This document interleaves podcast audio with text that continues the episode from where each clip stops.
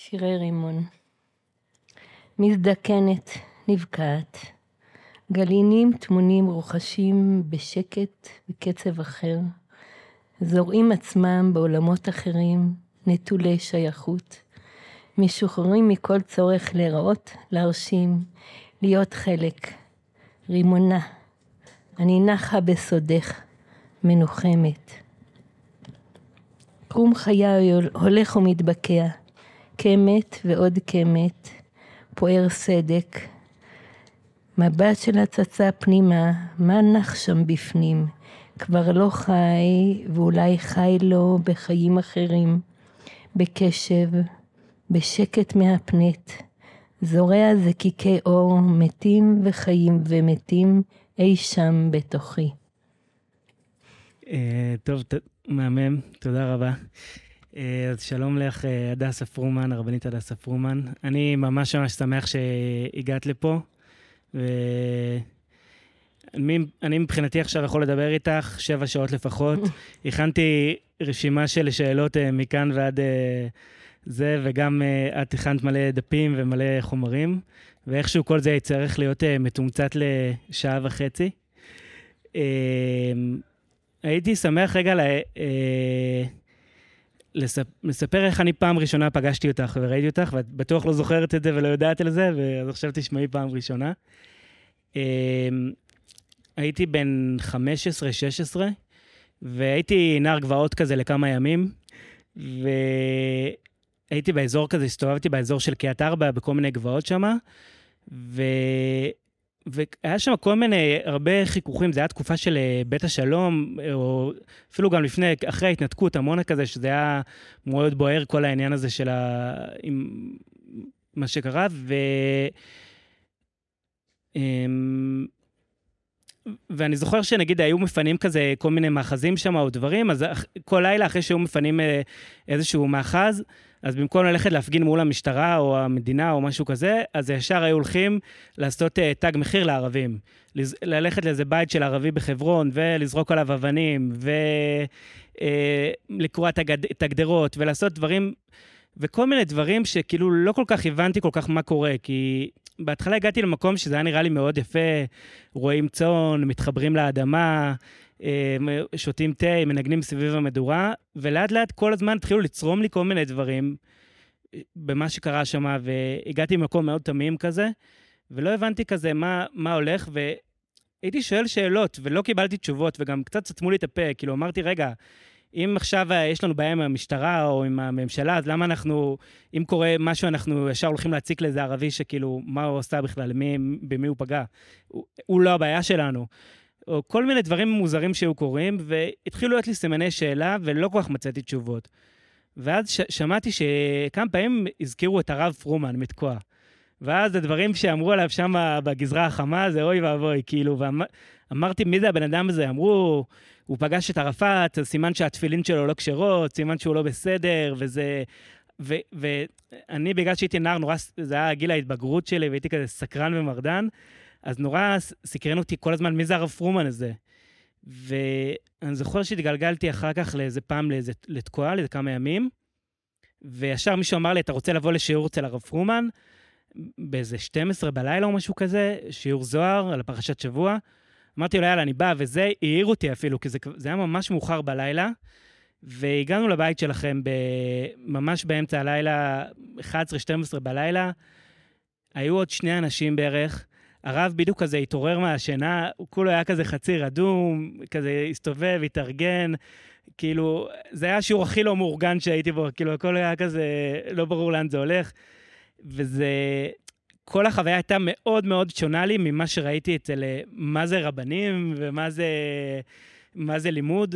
אני רגיל כזה שרב נותן שיעור, אז זה במקום מאוד מסודר, ויש לו איזה כמה וורטים, כמה דברים שהוא הכין מראש, ופה הוא כזה פתח כזה, אמר, טוב, איפה אנחנו, הנה, איפה היינו שבוע שעבר? אז פתח את הזוהר, מישהו אחד נמנם, מישהו אחד הקשיב כזה, ואני כזה מסתכל על מה קורה.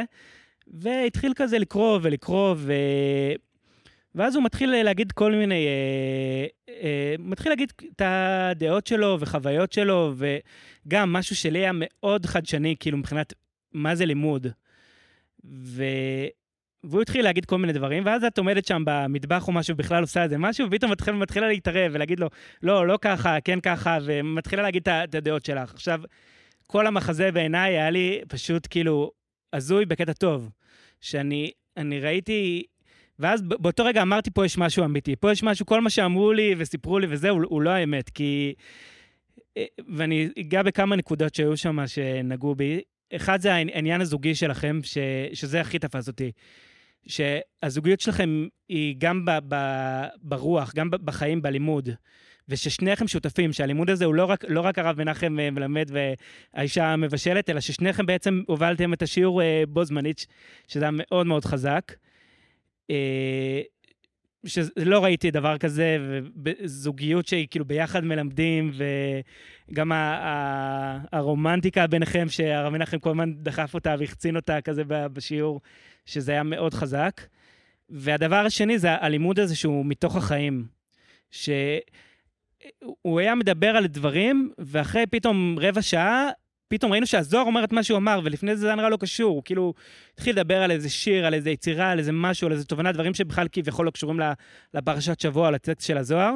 ותמיד ות, היה קטע כזה שהוא היה אומר כל מיני תובנות שלו ודברים ששוב נראים רחוקים מאוד מהטקסט, ופתאום אחרי כמה דקות, פתאום היינו, הזוהר פתאום היה אומר את זה, ופתאום הייתי מבין שזה מה שהזוהר אומר. ו, וכל ה, הלילה הזה זה משהו שאני לא אשכח. כאילו, אחר כך באתי להרבה שיעורים והרבה סיטואציות, ויצא לי גם להיות בקשר איתו על כמה פרויקטים שעשינו ולדבר איתו וזה, אבל uh, משהו שם פשוט היה מאוד מאוד מיוחד. ו, וזהו, זה, זה הולך אותי כזה עד היום. Um,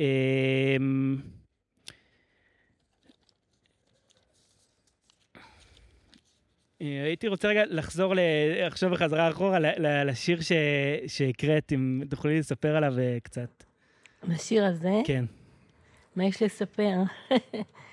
אה, המצ... הנקודה הזאת שבחיים שבו אני נמצאת, שיש, שמרגישה לי מאוד חזק כנקודת מעבר, כן? בין חיים לחיים אחרים, ו... במיוחד כשמנחם הוא כבר לא בחיים כאן והוא עוד, והוא חי בי והוא נוכח והוא לגמרי לגמרי אנחנו כאילו עושים את ה... הולכים ביחד,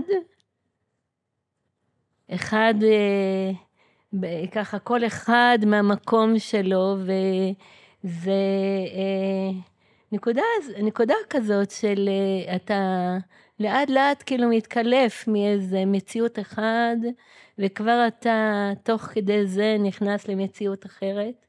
אז זה, אה, זה פשוט היה איזה רימון כזה שהוא היה כבר יבש, וכל הגרגירים בפנים היו כבר... אה, אה, ואתה מתבונן בפנים ואתה אומר, כשכל החיוניות היא כבר הולכת ונעשית יותר ויותר מצומצמת, משהו אחר קורה, משהו אחר אה, אה, מתרחש.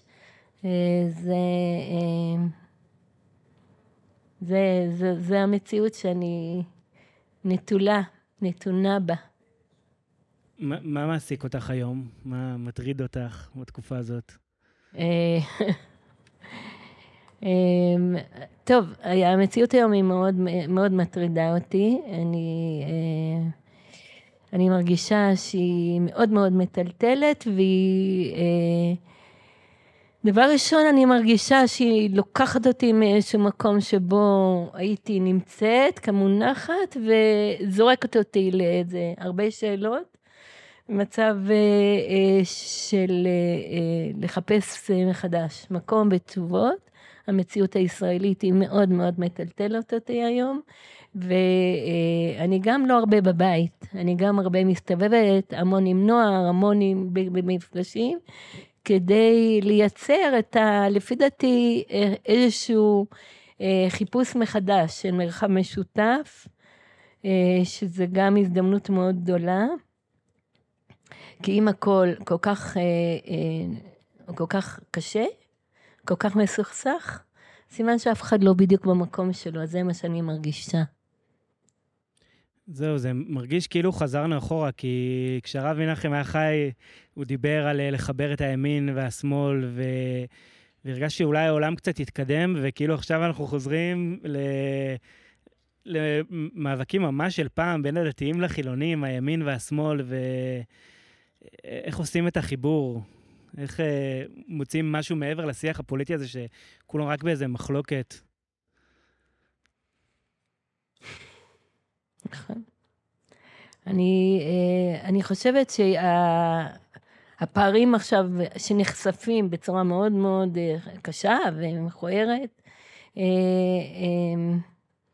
הם פשוט מבטאים איזושהי מציאות שכבר היא לא חיה, כמו שאני כותבת כאן, ומשהו אחר מתרחש.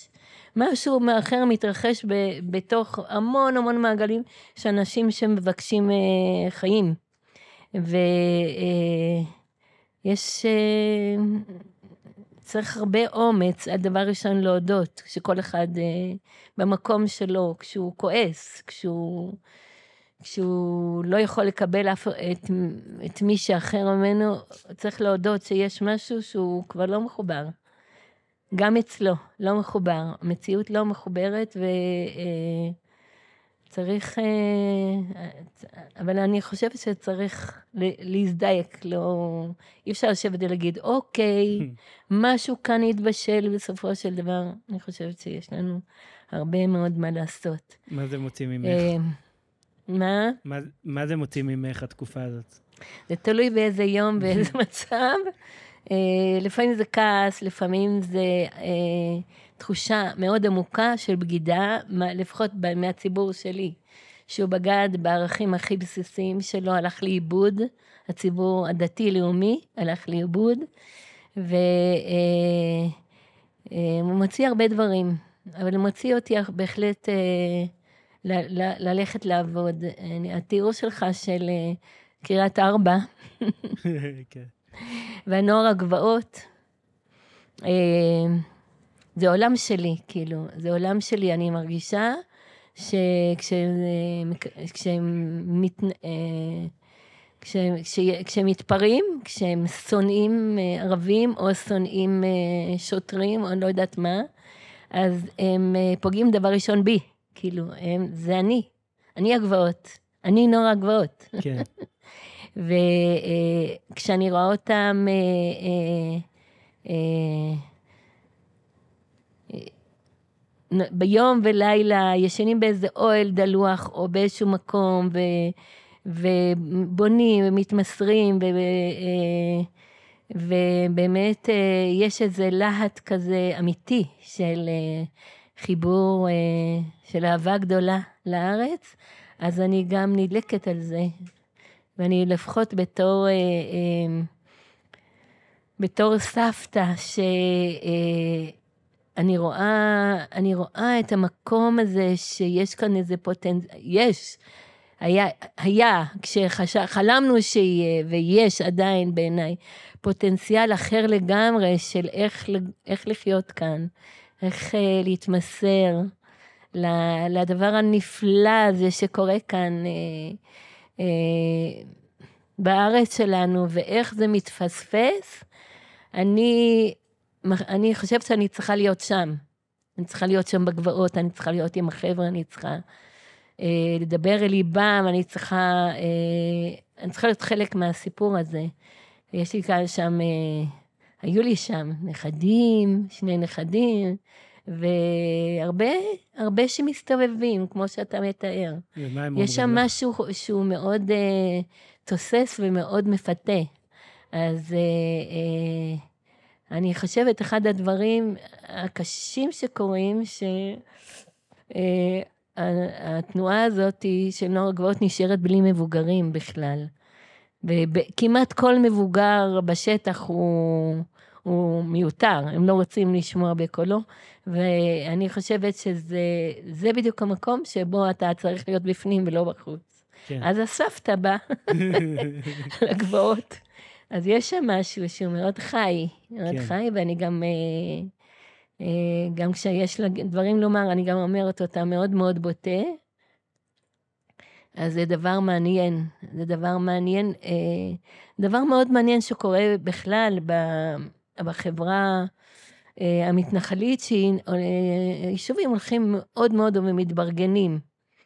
וגם נגיד תקוע, שזה מקום מאוד מאוד פתוח ומאוד מאוד עם פתוח לכל הגוונים של היצירה הישראלית, והכל שם בפנים, כל, כל התל אביב וכל ה... כל ה זה מיקס כזה. הם רוצים דבר ברור וחד משמעי, והם לא, הם, הם לא, הם, הם לא שותפים לזה, ואז אה, אני אומרת שיש שם משהו מעניין, אני לא מוותרת עליו, אבל צריך, הוא צריך בהחלט, אה, הוא צריך... אה, אז וצריך בהחלט, בהחלט ל, אה, לייצר שם שיח. אני חושבת שהאילמות היא מייצרת אלימות. אני מרגיש שממש שזאת הנקודה, ש, שאני, זה המסר שהתחלתי מאותו לילה והשפיע עליי מאוד חזק אה, אצלכם בבית, ש... ובעצם היום אני רואה את זה ככה גם את אה, רבי נחמן או גורדון, היכולת להיות במורכבות. והיכולת לא, כי ה... התקשורת והפוליטיקאים מחפשים uh, צד אחד, מחפשים איזה, איזה שיטה, ונורא קל לסחוף את האנשים ו- ולעורר שנאה בין האנשים. והשיח הזה שמאוד חזק בדמות של, אה, גם של הרב מנחם וגם של רבי נחמן, זה, זה משהו של אי ידיעה, של איזושהי מורכבות, של איזה סוד, של uh, כאוס.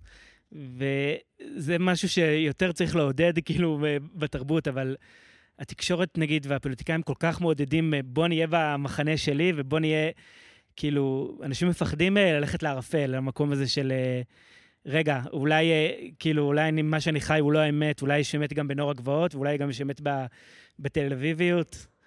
זה ו... נכון, זה נכון, כי אני חושבת שהאדמה היא בקלות הופכת להיות אה, מושא למאבק של כוח, שליטה. כן? ריבונות, כן? וזה המקום הזה שהוא מקום של החטאה. עכשיו, במציאות שלנו, שאנחנו נמצאים כל הזמן באמת במאבק, במאבק אה, לאומי נורא מתמשך, קשה מאוד לשמור את אותה נקודה, נגיד גורדונית, שהייתה מאוד חזקה, יחד, יחד עם זה שאתה שומר על הביטחון, זה שני תנועות, שתי תנועות הפוכות. ו... אה, מנחם, נגיד, הקשר לאדמה, הוא היה בדיוק המקום של הביטול.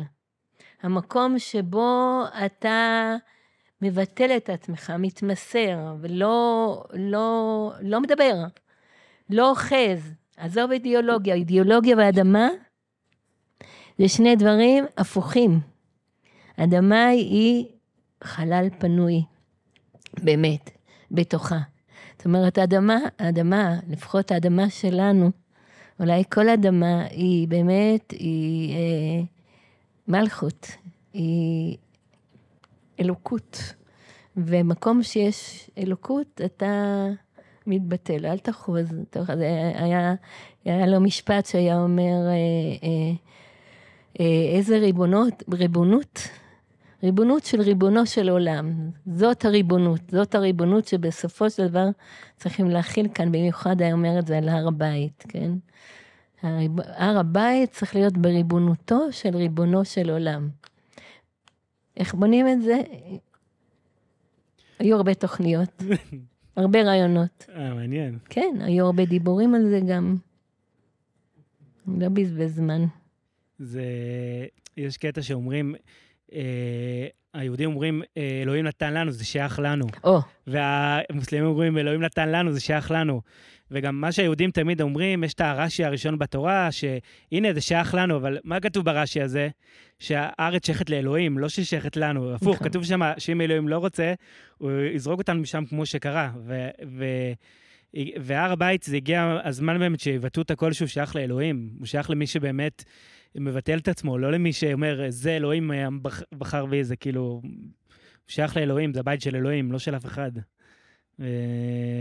יש סיפור שאני אוהבת לספר. יש לנו, בגוש עציון יש לנו חלקה משותפת, בעצם חלקה פלסטינית, שאנחנו שם, אה, מארגנים מפגשים, נפגשים הרבה מאוד, יש שם בית מדרש, יש שם קבוצת נשים והרבה מאוד קבוצות של נוער בקיץ.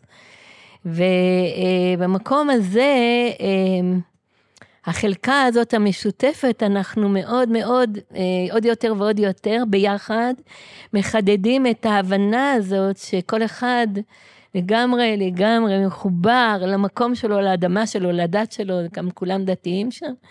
ויחד עם זה, המקום הזה של החיבור העמוק הוא לא מקום שאתה אוחז. ויש סיפור שאני אוהבת לספר, שהתחלנו את כל השרשרת של ההתנחלויות שלנו, כי התנחלנו והתנחלנו והתנחלנו. אה, אז אה, נכנסנו, זוג צעיר, לאשקובית, קיבוץ שהקמנו, והיה כתוב שם, על הסטיקר היה כתוב, ארץ ישראל שייכת לעם ישראל. זה היה סטיקר מאוד מאוד נפוץ. ומנחם אומר לי, תורידי את זה, אנחנו לא נכנסים עם הסטיקר הזה. אני אומרת, מה זה נקרא? סוף סוף מקימים יישוב חדש בארץ ישראל. אז הוא אומר לי, לא, לא, זה לא בסדר. אז אומרת, אז מה? אז מה צריך להיות? אז הוא אומר, עם ישראל שייך לארץ ישראל. ועם ישראל זה, זה דבר שנראה לי הוא אחר כך הוביל אותנו לכל אורך הדרך. להיות, להתיישב במקום ואתה שייך למקום והוא לא שייך אליך. והיום הפלסטינים שלנו, שאיתנו, שהם מובילים את, ה, את החינוך לתוך המרחבים שלהם, הם אומרים, פלסטין לא שלנו, אנחנו של פלסטין. אז אה, אה, תמיד זה נראה כאילו, וואי, איזה רעיונות, כאילו, מי המציא את הרעיונות האלה? אבל הרעיונות האלה הם באמת פשוטים. הם התחושה הכי ראשונית, לפני שבן אדם, אנשים התחילו אה, להסתבך. אולי לפני קין והבל אפילו, לפני החטא הקדמון, אבל זה באמת מקום שבו, אה, כמו שאמרת, ארץ ישראל היא שייכת, ל... היא כוח מעשיו של הקדוש ברוך הוא, ואנחנו כולנו צריכים להיות. שאגב, זה באמת נראה לי מתחיל מהשאלה מי זה אלוהים, כי אם אתה תופס את אלוהים כאיזה אידיאולוגיה, כאיזה משהו שאומר לך מה לעשות, או שאתה תופס את האלוהים כמקום הלא ידוע, שהוא תמיד יותר גדול ממה שאתה יודע עליו. ו... כי אם אתה תופס את האלוהים בתור מה שהרבה באסלאם וביהדות תופסים, כככה וככה צריך להיות, אז זה משהו אחד, אבל אם אלוהים זה אינסוף באמת, ואתה פתוח למה שקורה, אז, אז אתה פתוח גם שהר הבית יהיה שייך לאלוהים, ולא למה שאתה יודע. מעניין אותי מאיפה נהייתם כאלה מרדנים, כאילו, איך, איך הרב מנחם, כי אני מכיר קצת חוגי מרכז הרב, וזה לא הולך ככה שם, כאילו, רוב הדמויות שם לא מדברים uh, כמו הרב מנחם. איך זה, מאיפה, אני, מאיפה הגיעו לרעיונות האלה? איך זה התחיל? הוא לא התחיל במרכז הרב. מן הסתם. לא... אה, ההורים שלו היו חסידי גור שהפכו להיות מפאיניקים. אה, והוא היה בנוער העובד, ואת הרעיונות האלה של אה, גורדון, וככה הוא ינק לפני מרכז הרב, אבל עם חסידות מאוד מאוד עמוקה, זה היה מיקס כזה. וזה דור שהוא היה כולו מיקס, כן? ובסופו אה, של דבר, אה, אחרי מרכז הרב, אנחנו נסע ברסלבר, ואחר כך אה, הזוהר היה באמת הבסיס בסופו של דבר, התורה הכי קיומית שהוא לימד, ואני חושבת בסופו של דבר זה הכי קרוב לרב קוק, כי באמת החוגים של הרב קוק, הם הלכו, אה, הלכו לאיבוד אה, אה, בעיניי, כאילו. תפסו צד מסוים, הפכו את זה לאידיאולוגיה, והרב קוק הוא לא היה אידיאולוג, כאילו, מי, לפחות איך שאני קוראת אותו. כן. כן, היה, היה שם, אה, יש שם הרבה מאוד אה, עומק קיומי, וגם אה, היסוד הכי עמוק הוא מאוד מאוד אוניברסלי.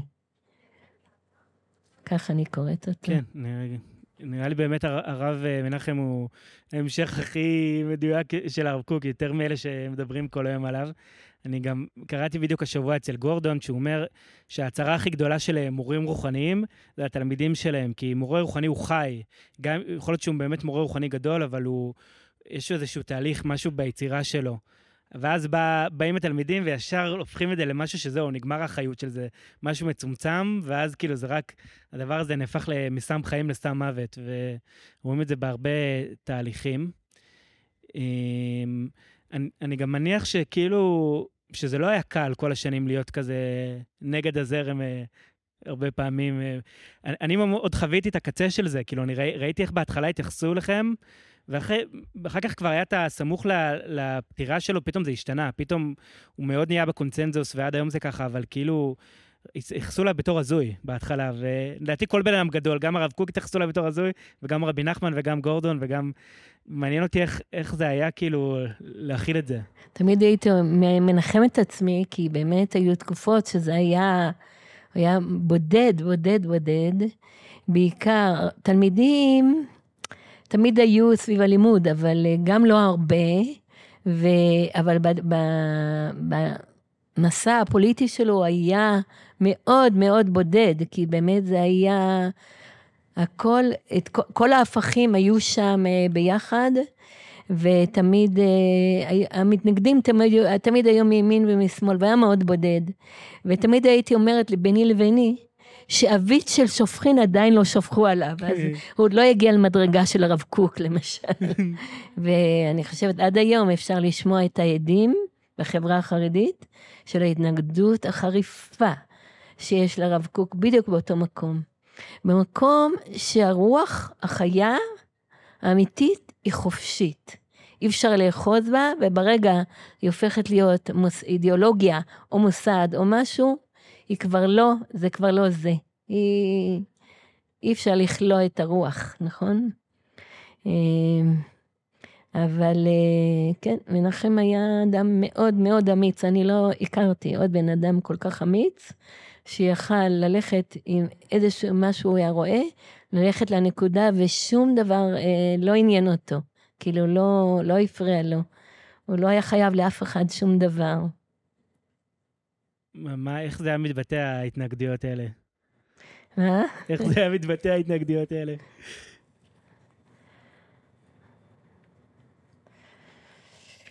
היה לזה ביטו, כל מיני ביטויים אה, לוחמניים בחברה שלנו, כל מיני מקומות, אה, אבל אה, הדבר הכי קשה זה שאתה, יש תורה גדולה שרוצה מקום, וכאילו הדור לא בשל, אנשים לא מבינים מה, מה קורה ומה הוא רוצה, כן?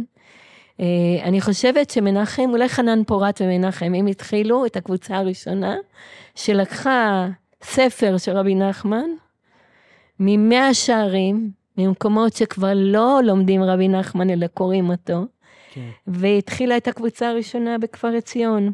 כן. והתחילו, לחתונה שלי, הוא קנה ספר ענק של אה, ניקוטי מוהר"ן, והביא לי מתנה לחתונה, ואף אחד לא קרא. כן. כל התנועה הזאת של ההתחיות של רבי נחמן, זה גם, זה חדש. החסידות, הנאו-חסידות, הקריאה החדשה, הקיומית של רבי נחמן, זה דבר, תופעה חדשה כן. לגמרי, ואני חושבת שמנחם היה אה, הראשון שעשה את זה בחוגים של צעירים. והיום זה כבר הפך להיות אה, משהו מאוד מאוד, מאוד מאוד אה, אקטואלי, אבל... אה, כן, זה הזוי, היום זה ממש basic, כאילו, תגיד רבי נחמן, זה, זה כולם מכיר, יודעים קצת וזה, אבל mm-hmm. אני... אני גם למדתי באיזה שנה באיזה ישיבה של כזה של המגזר כזה, והיה שם ספר אחד, ליקוטי מוהר"ן, בכתב רש"י כזה קטן, שהיו מחביאים אותו בעזרת נשים. נכון. והתעניינתי בזה מאוד, וכל פעם הייתי מוריד את זה, ובסוף ההנהלה של הישיבה החרימה את זה. ברור. כי אמרו, אוי ואבוי, וזה אסור, זה לא, ברסלב אסור, בשם הרב קוק כביכול המציאו שאסור, למרות שאני יודע שהרב קוק כן היה מחובר לזה, ו... ואני חושב שמשהו קצת אחרי ההתנתקות, וכאילו פתאום משהו התחיל להשתנות, כאילו, ב... שהיום זה כאילו, בכלל, בכל הציבור בסיס. בישראל, וספציפית בדתי לאומי שהיה... תנ"ך, רבי נחמן ו... כן, אבל זה לא היה תורה. בכלל, כאילו, אה, בטח כן. לא במגזר הדתי-לאומי, שזה היה מאוד, היה מאוד ליטאי, וזה פתאום היום... אני חושבת שזאת, זה הבשורה שלו וגם של, של אה, הרב שגר, שהיה, הייתה הרבה תקופות גדולות שהם הלכו, ב... זה, זה, זה לצד זה שיש אה, קריאה אה, קיומית, של, גם של רבי נחמן וגם של הזוהר. אני חושבת החידוש של מנחם בשנים האחרונות, שככה קוראים את הזוהר. היום הקם, יש לנו בית, בית מדרש, שהוא נקרא זוהר חי, שיש לו הרבה, לא מעט אה, בתי מדרש בכל הארץ, והקריאה היא קריאה קיומית. היום אפילו ב, בעולם של האקדמיה, החוקרים צעירים, יש חבורה של חוקרים צעירים לפחות שאני שייכת אליה, שהקריאה היא קריאה קיומית. מנחם היה מת, אה, מתבדח, הוא היה אומר אה, שהשם הגרמני של אה, מחבר הזוהר, יש תמיד שאלה מי חיבר את הזוהר, נכון? שאלה קלאסית. אז הוא אומר, זה היה פרנס קפקא, זה השם הגרמני שלו. כן. אז, וזה כאילו, זה לומר שמדי פעם טקסט עתיק, הוא מקבל אה, התחיות דרך ההתפתחות הרוחנית של, בעולם, כן? ואז הוא נקרא מחדש, כאילו מוצאים אותו מ... כן, אני, אני ממש קיבלתי הרבה השראה מכם על באמת איך לראות טקסטים. רבי נחמן זוהר, באמת לראות את זה כמשהו חי, כמשהו שמתכתב עם החיים שלי, ו, ולא כ... אני חושב שלפני זה, באמת בגלל זה זה היה סוד, כי לא ידעו איך לקרוא את זה. זה משהו... אה, ודיברת על מאה שערים, הם לא, הרוב שם לא יודעים לקרוא את רבי נחמן. זה כאילו, כמו התהליך של הרב קוק במגזר הדתי-לאומי, אז גם שם זה אותו דבר, זה, זה נראה איזה טקסט שקוראים ואף אחד לא מבין מה הוא אומר. ויש, זה באמת משהו הרבה יותר מורכב והרבה יותר עמוק שצריך ללכת לזה, ורבי נחמן בעצמו אמר את זה, שצריך ללמוד את התורה שלו מההתחלה לסוף ומהסוף להתחלה, ורק אז אפשר בכלל להבין מה קורה. וגם הזוהר, זה ספר שכולו נעשה בהליכה ובתנועה, זה לא ספר של בית מדרש. זה... ו... ויש משהו מאוד חי בזוהר, שבלי להבין את זה ובלי להיות מחובר לתדר הזה. זה, זאת המשמעות של סוד. כן. כן? מה זה תורת סוד? תורת סוד, אה, אם אתה, אם יש איזה נקודה שאתה בסוף תגלה אותה, אז זה לא סוד. כי אם אתה יכול לגלות אותה, אז זה לא סוד, נכון? כי הסוד הוא תמיד עוד ועוד מתגלה מחדש. וזה כל דור, ב, עם הקריאה הזאת שיש לו בעולם, עם הקריאה המיוחדת שיש לו בעולם, הוא חושף עוד מימד מאותו סוד. וזה, זאת המהות של תורת הסוד. כן. זה לא שאם אתה אה, תדפדף עוד קצת, או תעמול על זה עוד קצת, אז תג, תגלה את האמת לאמיתה. האמת היא שזה סוד. והסוד הוא כל, כל הזמן רוצה מחדש, שוב ושוב מחדש להתגלות. ואני חושבת שבתי אה, מדרש, שהם לכן, אה, כל תקופה בית מדרש חדש עולה ופותח משהו חדש. כן, לגמרי. אה, מעניין אותי לדבר איתך קצת על אה, הנושא של זוגיות, שהיה גם מאוד חזק אצלכם, אה, לדעתי עדיין... אמרתי לך שנולדה לי בת, אז אמרת לי, הנה, סוף סוף התחלת לעשות משהו עם עצמך, וכאילו, הנה, זה מה ש... וכאילו, שבעיקרון העניין של זוגיות זה חידה, כי זה, זה שזה בכלל עדיין קיים במציאות שלנו, שאנשים חיים במוסד הנישואים, נכון. ותקועים בן אדם, שאני, זה מאתגר, זוגיות. למה לחיות עם בן אדם כל החיים, ומה, אני אישית, כאילו, אני בזוגיות, אבל uh, אני זוכר בגעגוע את זה שהייתי רווק, ויכלתי לישון באלכסון, ולישון מתי שאני רוצה, ולשתות מה שאני רוצה, ולעשות מה שבא לי. וגם הזוגיות שלי מאוד כאילו פתוחה, אני לא, אין כאילו, לא משהו מגביל אותי יותר מדי, אבל עדיין, באמת, מה, מה הסוד הזה של זוגיות? וכאילו, כל הזמן הרב מנחם היה מדבר על זה שאתם צריכים להתחתן, תתחתנו, ו, וכאילו מעניין אותי על זה. אה, מה את חושבת? אה,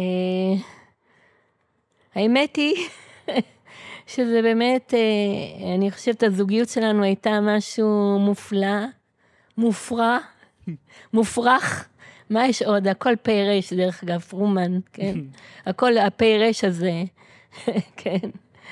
אה, מופרע באלף ובעין ובכל, הכל, כאילו.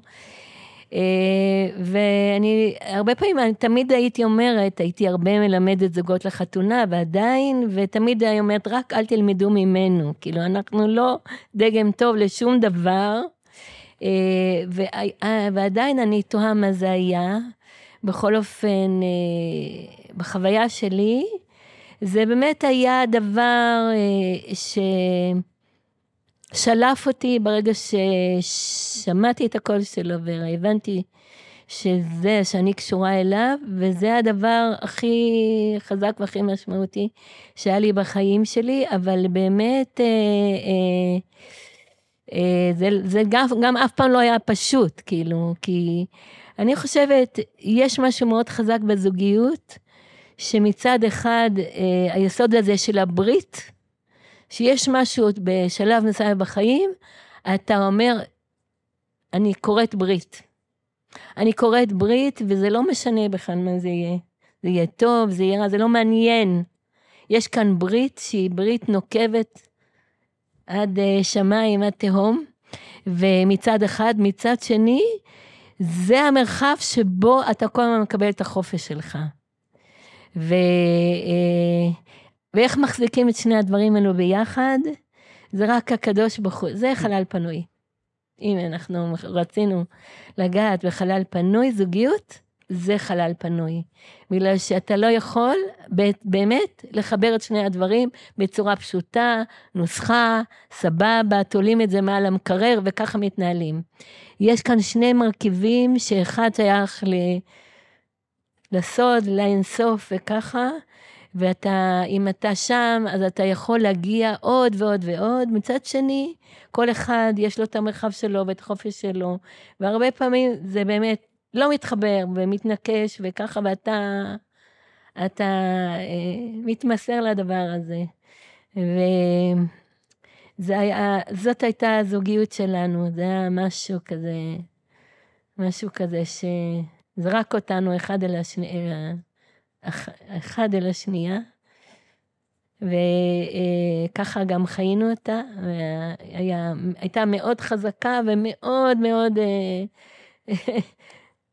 לא מוסדרת ככה בתוך המציאות, אבל הייתה לנו מאוד מאוד חזקה, ודרך אגב היא ממשיכה להיות חזקה גם היום. אז מעניין אותי איפה היום...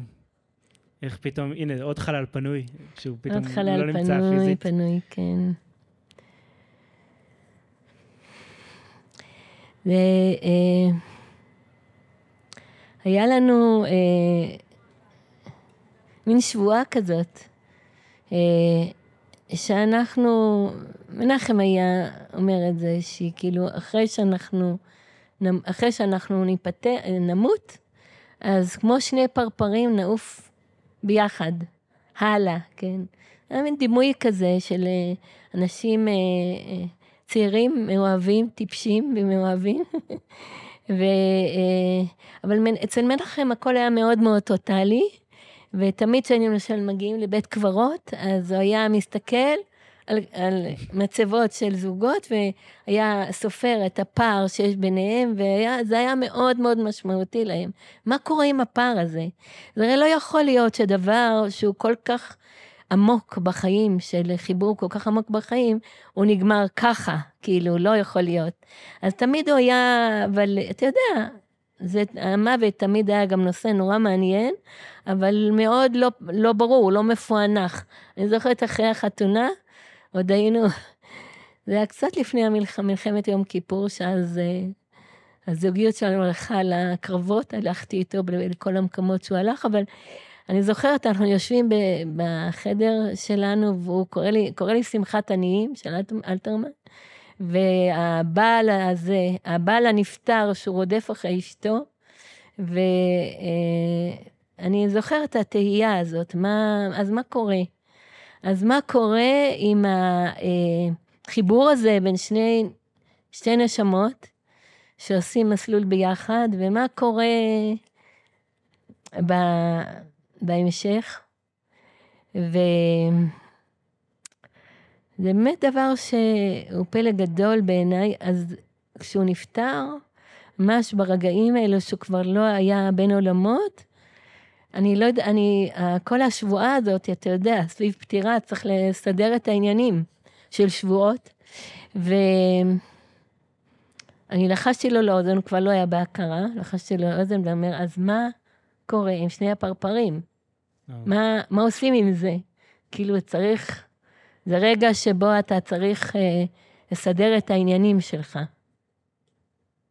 והוא פתח את העיניים שלו, הם כבר לא היו בחיים, הוא כבר לא היה חי, ואיכשהו, אה, עם הידיים ועם הפנים, לסמן לי, כן, ממשיכים. כל הילדים שם ראו את זה, זה היה משהו מאוד לא מהעולם הזה כבר. וואו. ואז אה, התח... התחילה הדרך של ההמשך שלנו.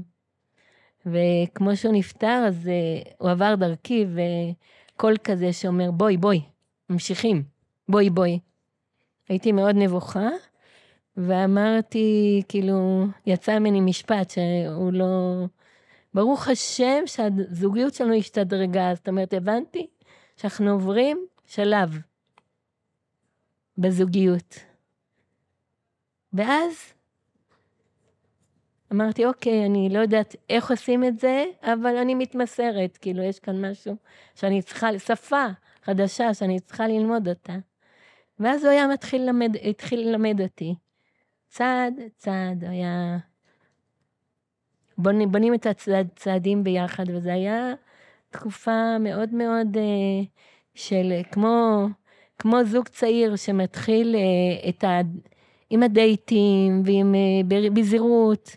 הוא אומר, היא אומרת משהו, לא בטוחים, צעד צעד שהולכים ביחד, וזה אה, היה דבר מאוד מאוד אה, חזק, בגלל שאני עדיין בתוך כל עולם המושגים, והתפיסה, איך אני רואה דברים, מה חשוב, מה לא חשוב, והוא במקום אחר שכבר יש מבט אה, הרבה יותר אה, כללי מצד אחד, מצד שני רגיש לניואנסים, וכל הזמן אה, השיח הזה בין עולמות.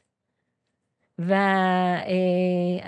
ככה, לדייק, לדייק את המקומות של, ה, של הקשר, של ההסכמה, ואיפה, מה התפקיד שלי בתוך כל זה. זה היה מאוד מעניין, זה היה אה, כמה ש... שנתיים בערך, שכל הזמן אה, אה, מין סוג של התכתבות כזאת. אה, וזה היה בעיניי מאוד מאוד אופייני לו, שלא כל אחד יחשוב שזה מה שהולך להיות. כן. אני חושבת שהיה לי שיחה עם עמוס עוז על זה. בגלל שהייתי, הייתי, זה השפה, שפה חדשה, והייתי צריכה להבין אותה. זה היה מאוד מעניין. איזה מסרים, אם אפשר לשאול, הוא מעביר לך משם? מה את מרגישה שה... מה הוא מבין עכשיו? זהו, אז זה, אה, זה, זה כל כך מעניין, בגלל שאין ספק שהמציאות החדשה היום כאן, השדרוג שעברנו במאבקים ובכיתוב, אין ספק שזה עניין, העניין שהוא עסק בו. כן. אה, אז... אה, אני כל הזמן מנסה להבין, כאילו מנסה להבין אה, באיזה אופן אנחנו, בתוך כל ה... הוויכוחים שיש, והרפורמה שלא מבינה בין, בזה הרבה, אבל מה, מה הציר? מה הציר שאותו צריך לשמור? מה הנקודה שעכשיו היא הנקודה העיקרית שצריך לאחוז בה ולעבוד עליה ככה? אז זה, זה זה כל, זה, זה כל הזמן עבודה לעשות. ו, ולפני שהוא נפטר, איך, איך, אה, איך התמודדתם עם זה שידעתם ש, שהוא כנראה הולך למות? זה, לא, זה סרט, זה נשמע לי הזוי, זה... אני הייתי בורח, לא יודע. היית בורח. לא יודע. אה, כשמנחם, כמו, אה, כמו הרבה פילוסופים, הנושא של המוות היה נושא מאוד מאוד, uh, תמיד אקטואלי. יש לו שירים על המוות. איפה חי? תשאיר לנו איזה שיר, נכון? נכון? שלך. אה, שהוא כתב את זה, כולם חשבו שהוא היה זקן וכתב את זה. לא, היה מאוד צעיר, הוא היה בן 30 ומשהו, היה כותב על הרבה, על המוות וכל החיים שלו. אה, המוות מאוד מאוד העסיק אותו, כמו בזוהר. הזוהר המון כותב על המוות, כן. בגלל שהמוות הוא בעצם בסופו של דבר נותן פרספקטיבה יותר מדויקת, יותר אקטואלית, יותר על החיים. כאילו ההש- ההשתקפות, המוות אה, הוא בסופו של דבר נותן לנו אה, אה, לטעום אולי את אותו יסוד שהוא אה, לא מת, אולי אפילו אה, מתחזק, נגיד, ב... כשאדם עובר מן העולם, אז אותו יסוד, לך תחפש אותו בחיים, ואיתו תעבוד. כאילו, זה אה, המסע של הנשמה בעולם. היא מתחז... זה, הוא מחדד את הדברים האלה, מחדד הרבה מאוד דברים. אז אה, כל, אה, זה שאלה תמיד, ש... ומנחם היה מאוד עסוק בזה. ולקראת המוות זה אולי אפשר להגיד שהיה סוג של חגיגה. לא, ש... אני אומרת את זה, אה, כן, זה לא נעים, כן. סרטן זה דבר לא נעים, וגם ה... אה, ה... ה... באמת, הקושי הזה בפרידה, בפרידה מהחיים, הוא היה אומר, אני רק התחלתי עם כל הדברים שרציתי לעשות וככה, אז זה לא היה כזה פשוט, אבל מצד שני זה היה חגיגה. כי הנה, אנחנו, איך, איך רבי עקיבא צוחק, כן? ברגע הזה, הוא כן. צוחק ואומר, הנה, הגעתי. אז יש משהו במוות שאתה פתאום מגיע. אתה פתאום מתקרב ומגיע לנקודה. הנקודה, נקודת ההתחלה, נקודה הקריטית של אה, המשמעות של החיים שלך. אז, אה, אז זה דבר מאוד ידוע, מה שאמרת, שלקראת אה, שנה וחצי שהוא היה חולה, אז היה עושה תורה שירה, ואז היו באים גדולי האומנים, כל מיני אומנים שהיו, שנדלקו עליו, והיו עושים ערבים של שירה, ברי סחרוב ואהוד בנאי וכל, הרבה חבר'ה. והיו עושים תורה שירה, והיה מלמד, על מה הוא מלמד? זוהר, הוא היה מלמד זוהר. מה הוא מלמד בזוהר? ויחי על המוות, כן? חיי שרה, כמו שאמרנו, כל מי שחי, עוסק כן. הרבה במוות, כן, גם, נכון? אני גם, קוראים לי יחיאל, חי, וגם לרב מנחם נו. קראו גם חי, אז חי זה, תמיד אתה, השם שלך זה המהות של, בערך, אתה תתעסק בהפוך, כאילו, נכון, במוות. נכון, אז זה לא, זה לא הפוך כל כך, אתה מבין? ההפוך הוא. בדיוק מחדד את הדבר עצמו. אז הייתי אומרת, מנחם, הייתי אומרת, מנחם, תרחם עליהם, כולם צעירים. מה הם צריכים כל הזמן? מוות, להתעסק במוות, אז הוא אומר, "אה, אומר, כאן, במקום הזה אני נמצא, כנראה שהם יקבלו מזה משהו. אה, אז זה היה הרבה, הרבה, אה, כאילו, הרגשה, אבל בסופו של דבר, מה שקצת חידדתי עכשיו, סיפרתי על זה עכשיו, בסופו של דבר, אה, אתה מתכונן למוות, אז הוא הופך להיות שלב מעבר. לא סוף, כאילו, לא סוף שמאז, משם, אלא הופך להיות שלב מעבר, וזה באמת, אה, באמת מרתק, מאוד מלווה אותי היום, כאילו שאני מאוד מאוד אה, חיה איתו מצד אחד, מצד שני הוא מאוד מאוד משחרר אותי, כן. וואו, לדרכי, כאילו. כן. אני, אני מרגיש את זה, שאת, אה, יש לך נוכחות כזאת היום. אה, וואו. אה, מעניין אותי איזה מסרים, כאילו, מה המסר של המוות שלו, מה, מה את מרגישה, כאילו, מה, המוות הזה הביא איתו? איזה מסר? בטח הרבה, אבל מה... כן, אני לא יודעת מה לחדד, יש כאילו, יש הרבה הבנות.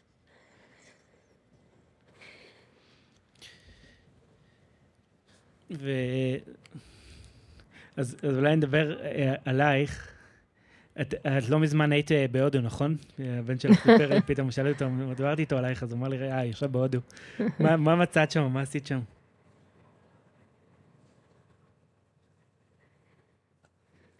אמ,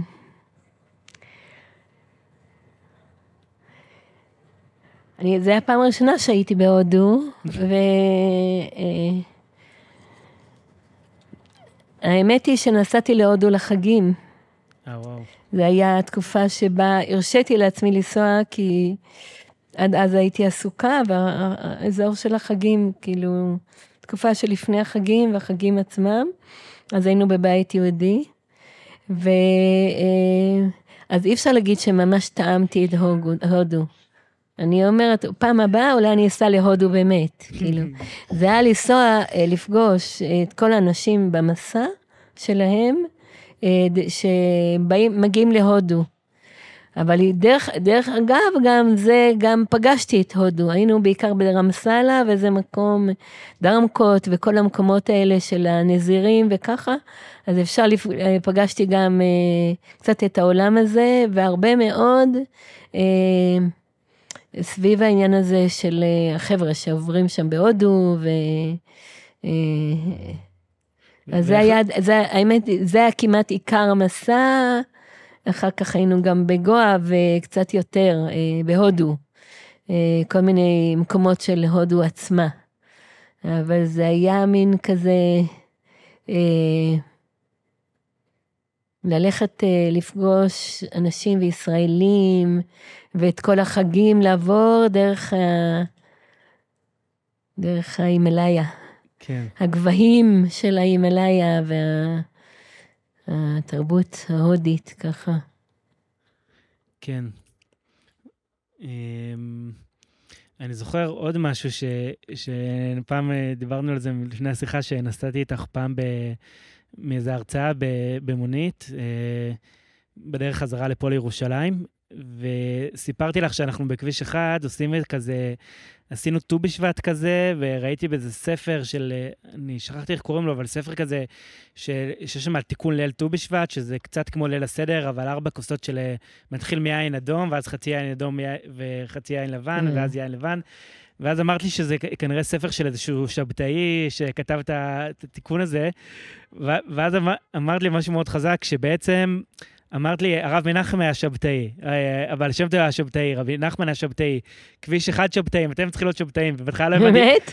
כן, אז עכשיו... אני לא אחראית על מה כן. הדברים שאמרתי, אני לא, אף פעם לא... רגע, אני אתן את ההקשר, ובהתחלה לא הבנתי גם מה את אומרת, כאילו, וזה, ואז אמרת לי שעל המקום הזה שאנחנו... כמובן לא ספציפית השבתאים, אבל, אבל המקום הזה ש, שאנחנו צריכים להחיות את היהדות, ומה שבא, אם זה הרב קוק או רבי נחמן או הרב מנחם או, או מה שאנחנו מנסים לעשות בכביש אחד עם א' ד' גורדון וזה, זה המקום עכשיו של היהדות שהוא זקוק להחייאה, והוא זקוק לאיזשהו... אז... אה, כל הנושא הזה של משיח הוא מאוד, אה, כן, אה, מאוד, יש לי כאן, אה, אני, מרג... אני תופסת את משיחיסטית. כן. אה, ואני חושבת שהעניין הזה של המשיח, הוא מקום שבו היהדות מגיעה לאיזה אה, כובד, אה, שהיא כמעט כבר אין לה אוויר, ואז יש מישהו שבא ששובר שם, ששובר והופך את הכל, וזה תנועה של משיח. ודווקא אה, יש לי שיר אחר שהייתי רוצה לקרוא, אבל אין לי אותו עכשיו. וזה זה, זה, מרתק אותי נורא.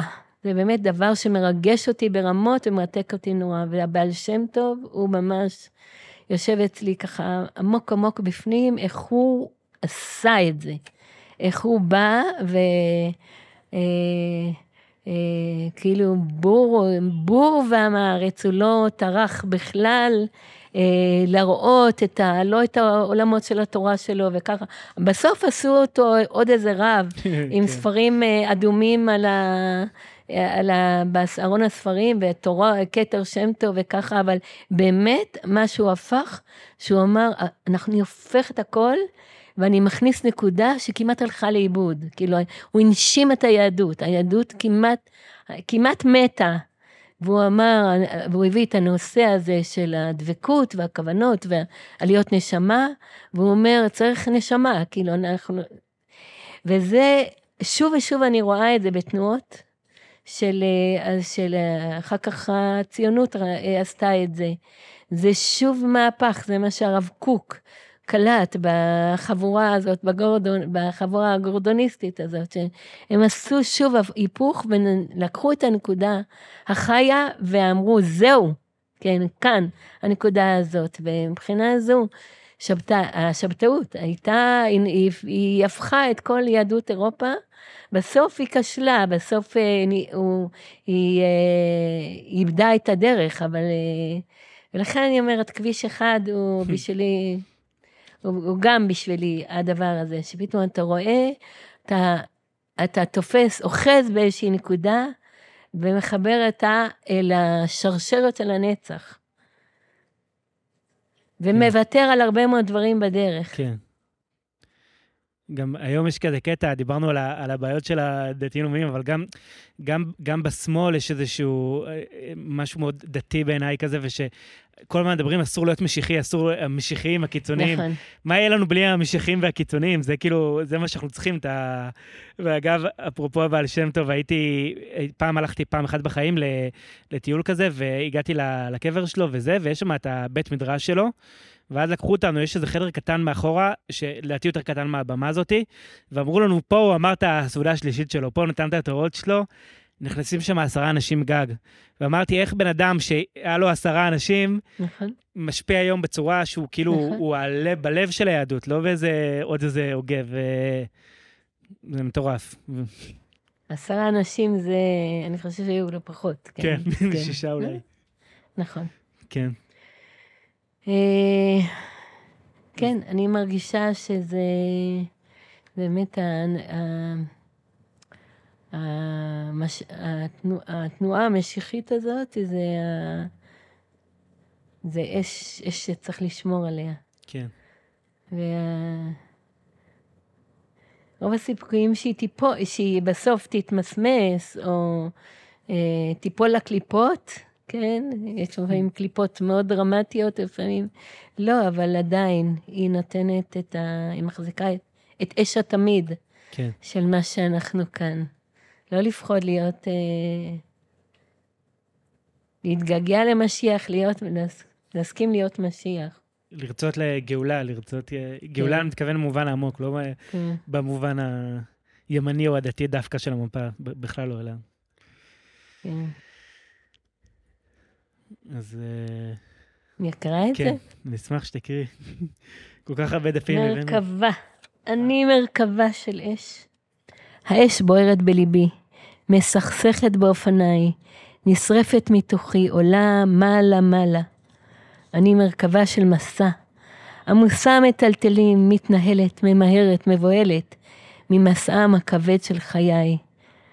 אני מרכבה של ייסורים, המשיח חובל בסוסי, צולף בי ומאיץ, יאללה, הלאה.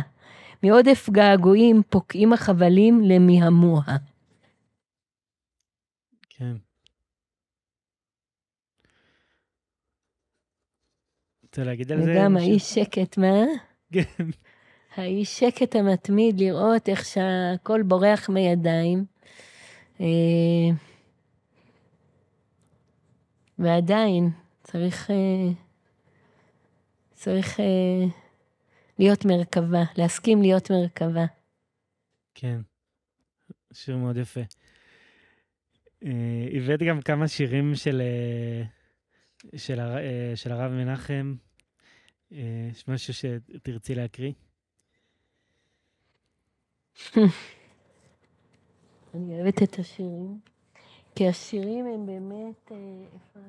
בכלל פשוט שירים ממש חזקים, אז... אתה רוצה לתת לי משהו שצילמתי? אה, כן, אבל הנה, יש לו כבר, זה כבר... זהו, פה זה קצת, אני מקווה שזה יהיה קריא, כי זה קצת...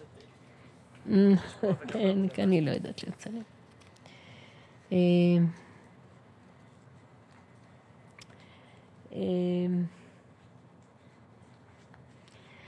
אה, המקום הזה, אני, אני רוצה לחזור באמת לנקודה הזאת של החלל הפנוי, ואני חושבת שאם דיברנו על המשיח של שקר, כן? השקר הוא, הוא נוצר ברגע שאתה רוצה שיהיה לך תשובה אחת, חד משמעית, אז תגידי מה זה משיח, כן?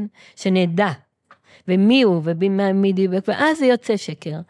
והנקודה הזאת זה אולי אחד הדברים החזקים ש, אה, שמנחם, מבחינה זו בעיניי הוא היה אדם גדול. שהוא היה מוכן להיות שם במקום של החלל הפנוי. להישיר מבט ולהגיד, אני לא, אני, אין, אין תשובה שם. ואני אה, אני מוכן להיות שם ב, ב, בלי, בלי שיהיה לי תשובה.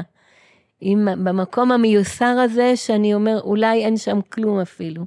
רבי, נח, אה, רבי נחמן, יש לו תורה ידועה על החלל הפנוי, והוא אומר בעצם, מקום האלה שאין תשובות, והאדם עומד נטול, נטול תשובות ונטול אה, אה, נוחות אלוקית.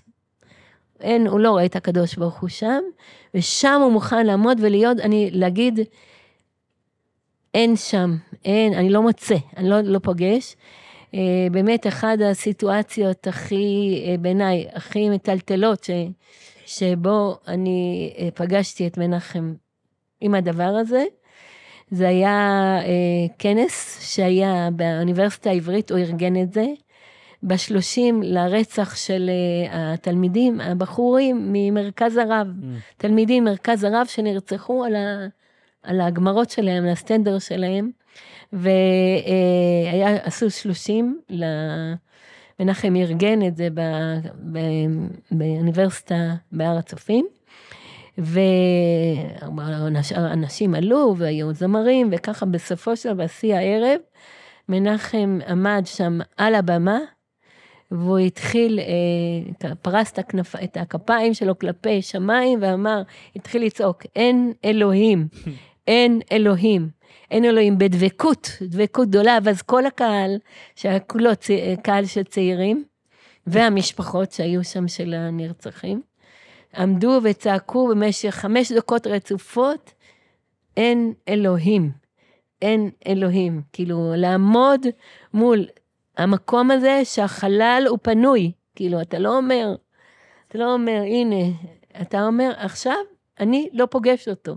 אין, אין משמעות. אני לא יכול למצוא משמעות בקיום הזה, כמו שהוא נראה ככה. אז זה, אה, זה המקום הזה שאתה עומד אה, בחלל הפנוי ואתה... עכשיו, רבי נחמן אומר שזה מקום טוב לשתיקה. אז אולי זה מה שצריך לעשות. אבל אולי אפשר בכל זאת ללמוד על כמה דברים. יש שיר שאני מאוד אוהבת, כי גם בזוגיות, ש... אה, באהבה, הרבה פעמים אתה מגיע כשאתה אומר, אתה רוצה לאהוב, ואתה רוצה לאהוב כך שזה יגיע, ייגע בנקודה הזאת הכי פנימית, הכי אה, עמוקה, הכי מטלטלת, ואתה הולך ואתה מרג... אתה אומר, אתה לא מגיע. אתה לא מגיע, או לרגע אתה נדמה לך שאתה מגיע, ורגע אחרי זה זה כבר לא כאן. וכשזה לא כאן, וזה בורח לך, אז אתה אומר, אז מה, יש אהבה או אין אהבה? אני בפנים, אני לא בפנים, נכון? והדבר הזה למנחם היה מאוד מטלטל, כי הוא היה אדם מאוד מאוד טוטאלי, והוא אומר, אני כל כך רוצה לאהוב, אני כל כך מאמין באהבה שלנו, ומה? אני פתאום מגיעה למקום שאין, כאילו. אז אני, אז מה? אז זה יש או אין? ומידה מסוימת זה גם ככה עם אלוהים. נכון? האמונה שלנו. אנחנו יכולים להיכנס ל... ל... לעומקים, אנחנו יכולים להגיע לכל מיני מקומות, ואז פתאום אין. אתה, פה, אתה בריק ואתה לא יכול לספר לעצמך סיפורים, אין. והמקום הזה שאתה אה, פוגש את האין, אז אה, באופן מסוים אתה בעצם יכול להגיד, כשאתה פוגש בריק הזה, אתה פוגש גם את העין, את ה... את ה nothing בין capital N, כן? אז יש כאן שיר שאני מאוד אוהבת, כי מנחם, אה, גם בהתבוננות שלו מול הערבה, מערכת יחסים, וגם תמיד היה אה, התפילה הזאת של יום כיפור, המרגשת הזאת, שבו אה, אנשים, כל נדרי, ומבטלים את כל הנדרים, וכל אחד יודע שהנה, ביטלנו את כל הנדרים, אבל כמה נדרים עוד רוכשים וכמה אלה שיבואו. אנחנו הרגע מבטלים את הנדרים שאנחנו ננדור. ואנחנו בינינו לבין עצמנו יודעים שהנדרים, או השאלה מה זה נדר, לא ניכנס לזה עכשיו, אבל שכל הפלונטרים האלה הם יחזרו אלינו עוד מעט, ויחד עם זה, הרגע הזה, יש לו את הקיום שלו. אז אני אקרא את זה, אני אקרא את השיר. אני אצליח. אני רוצה להביט עין בעין, מקרוב מאוד, עד שלא נראה זה את זו, בלילה חגיגי וקדוש, בשעה אחת שאין כמוה, ולומר לך, את כל הנדרים שנדרתי לך, התרתי, וכל החרמים וההבטחות, לא שרירים ולא קיימים, והכל הפך לבן וטהור.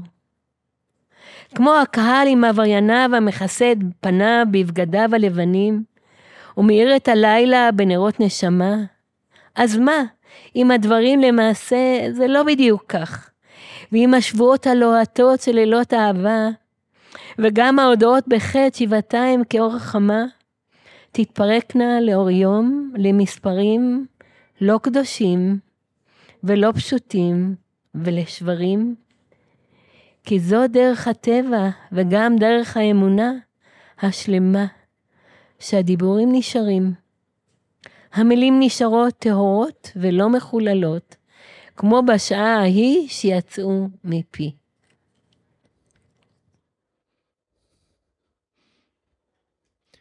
אני, אני עדיין מטולטל ממה שאמרת עכשיו על האין אלוהים, עם ה... אתה ש... עדיין בסיפור לא, שזה מסביר את הכל, זה ממש הדמות של הרב מנחם, כאילו, של ה... של אתה רואה מצד אחד יהודי שנראה כמו מהחסידים של לפני 200 שנה, עם אה, זקן ופאות, ומצד שני אה, אומר דברים כאלה, ולדעתי גם רבי נחמן והרב קוק היו כאלה, אבל רבי נחמן במיוחד, אה, היה לו את הדברים האלה. וזה פ, פתאום נזכרתי בהלוויה, ש, שזה, אני זוכר שההלוויה הזאת זה היה כמו... זה אחד, הח... אין ספק שזה אחת ההלוויה הכי חזקה שהייתי בה בחיים עד כה, שזה היה יום שלם, זה היה סרט. ואני זוכר שאנשים באים וכאילו עצוב וזה וכולם זה, ואז פתאום משפחת פרומן עושים צחוקים, וכאילו כן. התחלתם לשיר שם ולעשות כל מיני בדיחות, ו- וכאילו, וכולם כזה, כאילו לא הייתה ברירה לקהל אלא לזרום ממה שאתם עושים, כאילו זה זה הדבר הכי... אה, אתה תספר לי, אני לא זוכרת. היה שם את הילדים, וגם את עשית כל מיני כן. דברים, אני לא זוכר כבר מי אמרו, אבל כן, התחלתי כן. לשיר מהחיים בזבל, נכון. וחייכת שמה, וזה כאילו היה הדבר הכי... הכי, הכי מוז... אבל זה סחף את כולם, זה היה, זה היה פשוט אירוע. זה היה איבנט, אחד האירועים. זה היה יום שלם נראה לי הדבר הזה. ו- וגם החזרת אותי בבת אחת ל- ל- באמת לדמות ש... נגיד היה הופעות כאלה בתקוע אה, ברי סחרוב והרב פרומן, אז כאילו... אז אולי אנשים באו בגלל ברי, אבל, אבל ההופעה הזהה של, של הרב מנחם, שהוא היה כאילו סוג של... נכנס למשתולל לבמה ו- ויכול כאילו להגיע למקום מאוד מאוד אותנטי, וכמו שאומרים לדוד המלך, שבכלל לא אכפת לו מי, מי רואה אותו עכשיו, ומקום מאוד... אה, זה משהו מאוד חזק שהייתי רואה אצלו, ענווה מאוד גדולה. אני כאילו הכרתי אותו בערך בגיל 17-18 ודיברתי איתו כמה פעמים, הוא התייחס אליי כל כך ברצינות וכל כך כיבד את מה שאמרתי, מי אני בכלל, כאילו, מול אדם מבוגר ורב וזה, וכאילו, כאילו הוא לקח נורא ברצינות אם אמרתי משהו, וכאילו, רגע, זה אולי אני, אני כאילו, מה אתה בכלל מתייחס אליי, וזה כאילו, באמת מקום של ענווה מאוד גדולה, שנותן לך ככה להרגיש, לדמיין איך, אה, לא יודע, אם גורדון או דוד המלך או רבי נחמן חיו, כי זה פשוט... מאוד מאוד חזק, אז פתאום עכשיו החזרת אותי ל...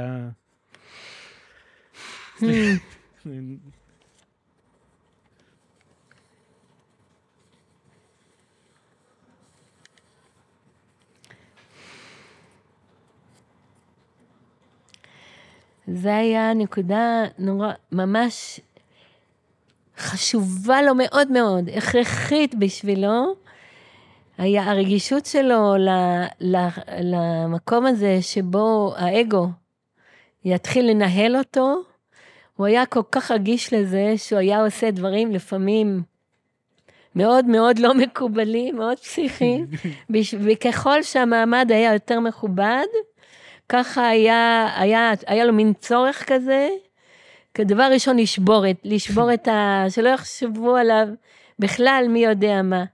למשל, כשלפעמים היה, נגיד, היה מדבר עם כל שועי עולם, בטלפונים שהוא היה עושה, כן, שגרירים, אה, ראשי מדינות וכל מיני כאלה. והרבה פעמים, דווקא כשהיה טלפון עם מישהו ממש ממש חשוב, והיה חשוב מאוד להיות אה, דיסקרטי וככה, הוא היה מתחיל למשל, יכול להתחיל במשפט הזה, I'm a primitive Jew, ככה, בשביל להתחיל, שיהיה ברור על מה, כאילו, את הנקודת מוצא של השיחה. כאילו, זה היה, אמרתי לו, הייתי אומרת לו, הייתי עושה לו פרצופים, זה לא שייך, זה לא מתאים. זה, זה כאילו כל כך לא מקובל. וככה גם בהרצאות בפורומים מאוד מאוד מכובדים. דבר ראשון, בואו נפוצץ כאן את הבלון, ואחר כך אפשר להתחיל לדבר. אז זה היה, אני מרגישה שהוא בא מחסידי גור, ואבא שלו בא, היה חסיד מאוד, חסיד מפאיניק, אבל חסיד מאוד מאוד, ושם בגור, אז זה היה ככה, לא חסידות גור של היום, שנשארו שם בערך... אה, כן. יותר רק הצ'ונד וככה, הקליפות ההפוכות, נראה לי. כן. כי היה בחסידות גם את הצד הזה של אה, אה, הצד המאוד נון קונפורמיסטי, מצד שני אה, גם צד מאוד כזה של, של מלכות, מלכות כזה. אז זה היה דבר מאוד מאוד חזק אצלו. או למשל, הייתה מגיעה אה, קבוצה, בעיקר אני, אני מעניין, אני נזכרת עם אמריקאים, שהיו באים לרב פרומן מכל מיני מקומות בעולם, אליו הביתה לצלם ולשמוע, אה, אז למשל הוא היה פותח שיחה, והיה אומר, אתם יודעים איך נקראים היהודים אה, בתנ"ך? אה, ניסו, ואז הם קוראים להם, היו קוראים להם עיוורים, למה? אתה יודע למה? יש הרבה פירושים, למה? למה?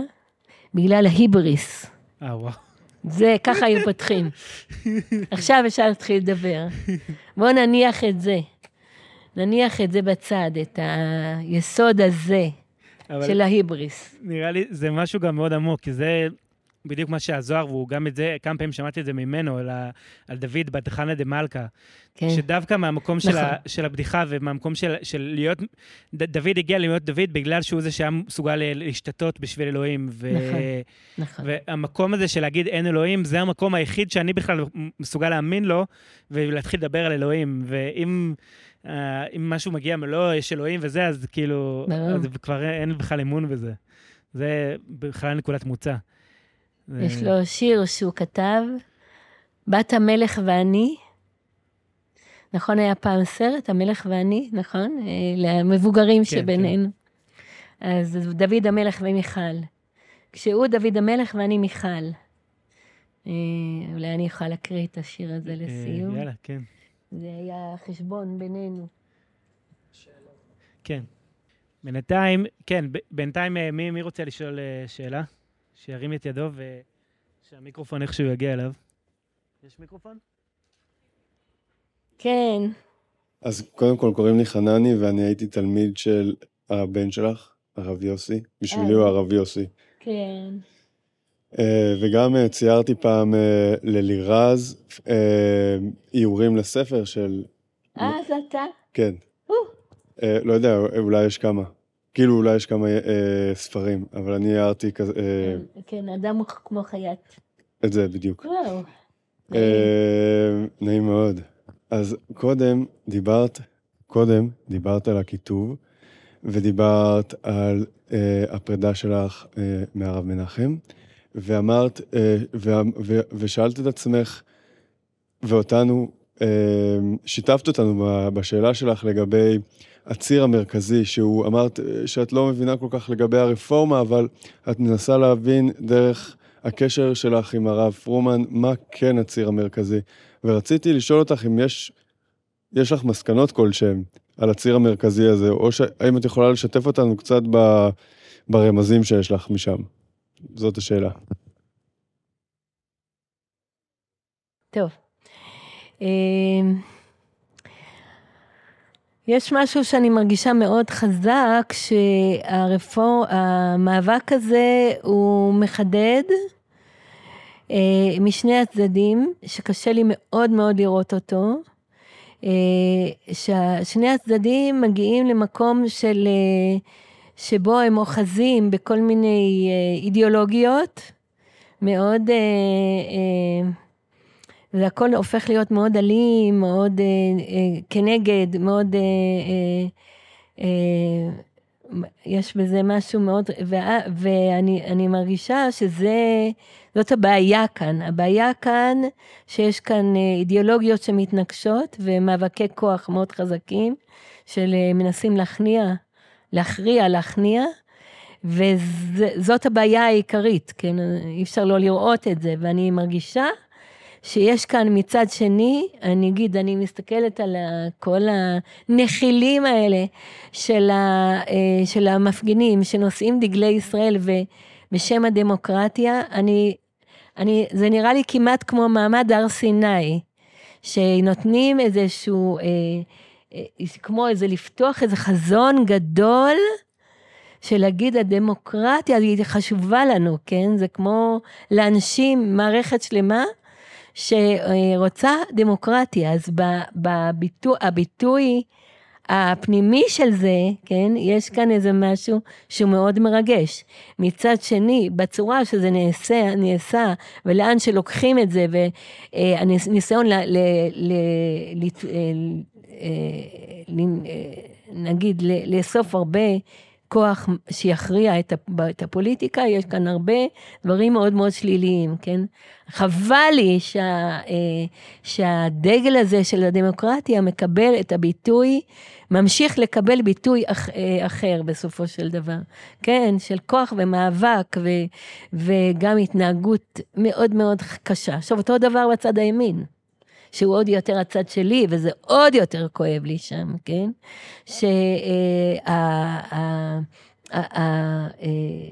שהערכים המדהימים האלה, ש, שאני כל החיים שלי מתמסרת אליהם, שהם אה, אהבת חיי, של התורה נגיד, כן? של עולמות הרוח של היהדות, והחיבור לארץ שהוא באמת בוער בי, כן? אני חיה בהתיישבות, כל הילדים שלי חיים בהתיישבות, והחיבור לאדמה, זה דברים נפלאים. וזה נורא איך שהדברים האלה מקבלים ביטויים אלימים, ביטויים של, אמ, אה, שמגויסים לכוח ושנאה, ושנאת ערבים, ושנאת אחר, וככה. אז אני מרגישה שיש כאן אה, אה, קריאה מאוד מאוד גדולה בתוך המציאות הזה לשלוף את, את, את שני התכנים המתנגשים האלה, ולהוביל איתם משהו חדש, חזק, ביחד. כן? מקום הזה של ביחד. אז אני, זה, זה הדבר העיקרי שאני מרגישה. ואני גם מרגישה שיש המון אנשים שמבינים את זה ורתומים לזה, אבל אם זה יקרה או לא יקרה, אם יהיה כאן איזה בניין חדש או חס וחלילה חורבן, אני לא יודעת. אני לא, אני מתפללת על זה מאוד. תודה, חנני. אה, עוד שאלה אחת, אם אה, מישהי או מישהו רוצה, אני רואה פה את אתה, אז... אה, רגע, מיקרופון.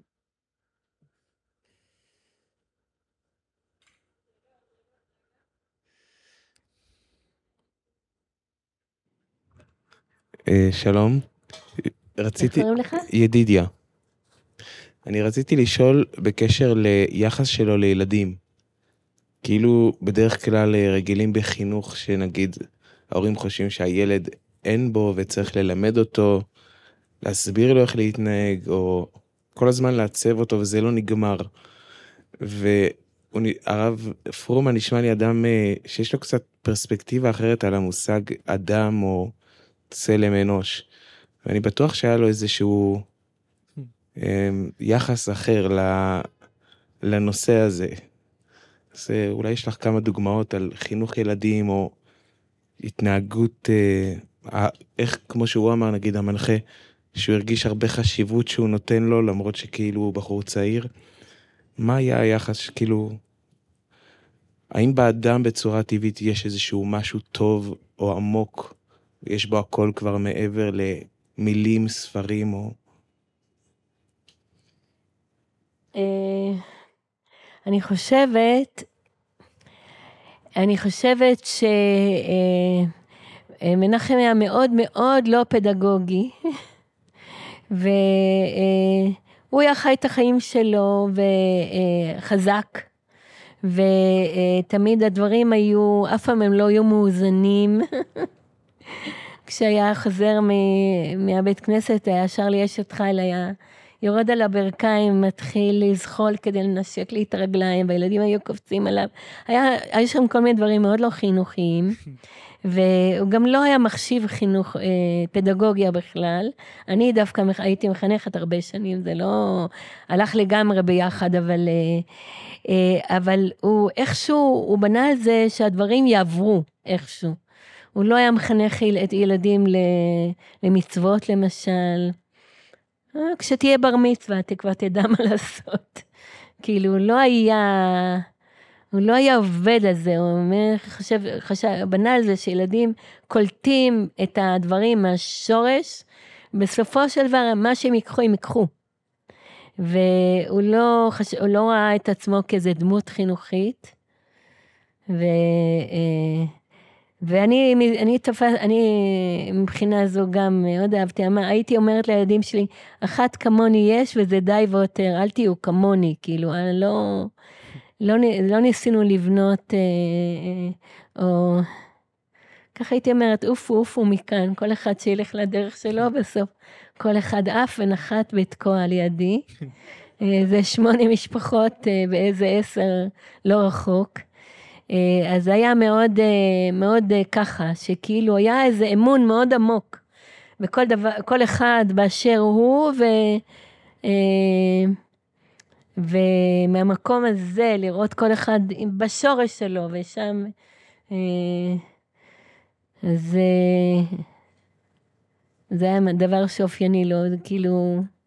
לא היה לו איזה דרך פדגוגית שאפשר להנחיל אותה לזה, אבל ילדים הוא לא היה, לא ידע איפה הילדים כמעט לומדים ולא היה באספות הורים, זה היה ממש נגד זה, נגד כל הדברים האלה. וכאילו אה, את כל העבודה השחורה אני עשיתי. אה, כן, מתעסק עם המורים, לבוא, אם ילד היה, לא מעט ילדים שהיו זורקים אותם מהבית ספר, הוא אף פעם לא היה בא בשביל, או ילדים שהיו מהמשטרה, שבכל מיני סיטואציות הם הגיעו ל... והיה צריך לבוא לשחרר אותם בערבות או משהו, אומר, היה אומר לשוטר, הוא כבר יסתדר. אני, אני לומד, כאילו. אבל הילדים, הם מאוד מאוד אה, לקחו מזה. שאבא שלהם היה מאוד מאוד uh, קרוב אליהם ומאוד מאוד אהב אותם. כאילו הילדים, איך שהם מרגישים שהם מאוד, מאוד קשורים אליו. אבל הוא לא היה דמות חינוכית בשום פנים ואופן. אני חושב שעלית פה באמת על נקודה מאוד חזקה, כי הוא, גם, גם אה, הוא, הוא, לא, הוא לא הוציא ספרים בחיים שלו, אני חושב רוב, אם לא כל הדברים יצאו אחרי שהוא נפטר. ואני חושב, עיקר הדמות שלו זה החיים עצמם, איך שהוא היה חי. אה, וגם אני זוכר, נראה לי גם זה היה בהלוויה שלי. רז סיפרה שהייתה מבקשת ממנו, תעיר אותי בבוקר, כי יש לי מבחן חשוב, כי יש לי משהו חשוב בבית ספר. הוא בכוונה לא היה מעיר אותה. הוא אומר, ראיתי, רחמתי עלייך, אמרתי, אה, אה, עדיף שתשני, אולי לא צריך ללכת לבית ספר היום. כאילו, בדיוק הפוך ממערכת היחסים של אבא וילד, שבה לדחוף אותך למסגרת, אז בדיוק מילא את התפקיד ההפוך, שניסה כל פעם לשכנע אותה לא ללכת לבית ספר. אז... הוא הצליח. מאוד. אז אה, זה ממש השראה. זה גם נראה לי דוגמה לאחדות ההפכים שבו, של, אה, שזה ההפך ממה שאתה מצפה מרב יישוב.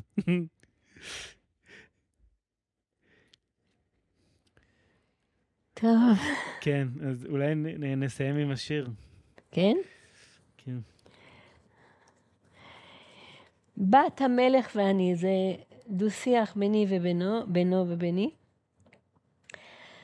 אה, דוד ומיכל בסיטואציה הזאת של ההתנגשות ביניהם. ותרא אותו מחרקר ומפזז בין טלאים וגדיות, ותיפעם. ותיבז לו בליבה אשר נפתח לאהבה, ותרחם, ותשאל מאביה אשתו להיות. ותרא אותו מכרכר ומפזז עמה כדרך גבר בן יונות הומיות, ותיפעם, ותיבז לו בליבה, את שארו הארה, ותרחם עליו כמר איש ולויות.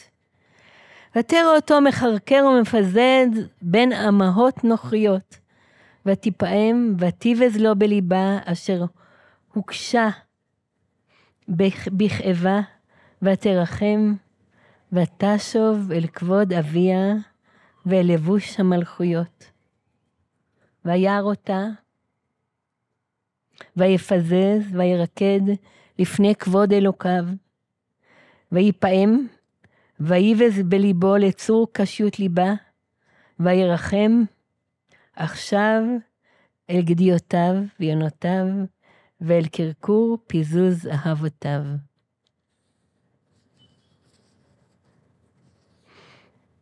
כן. אה,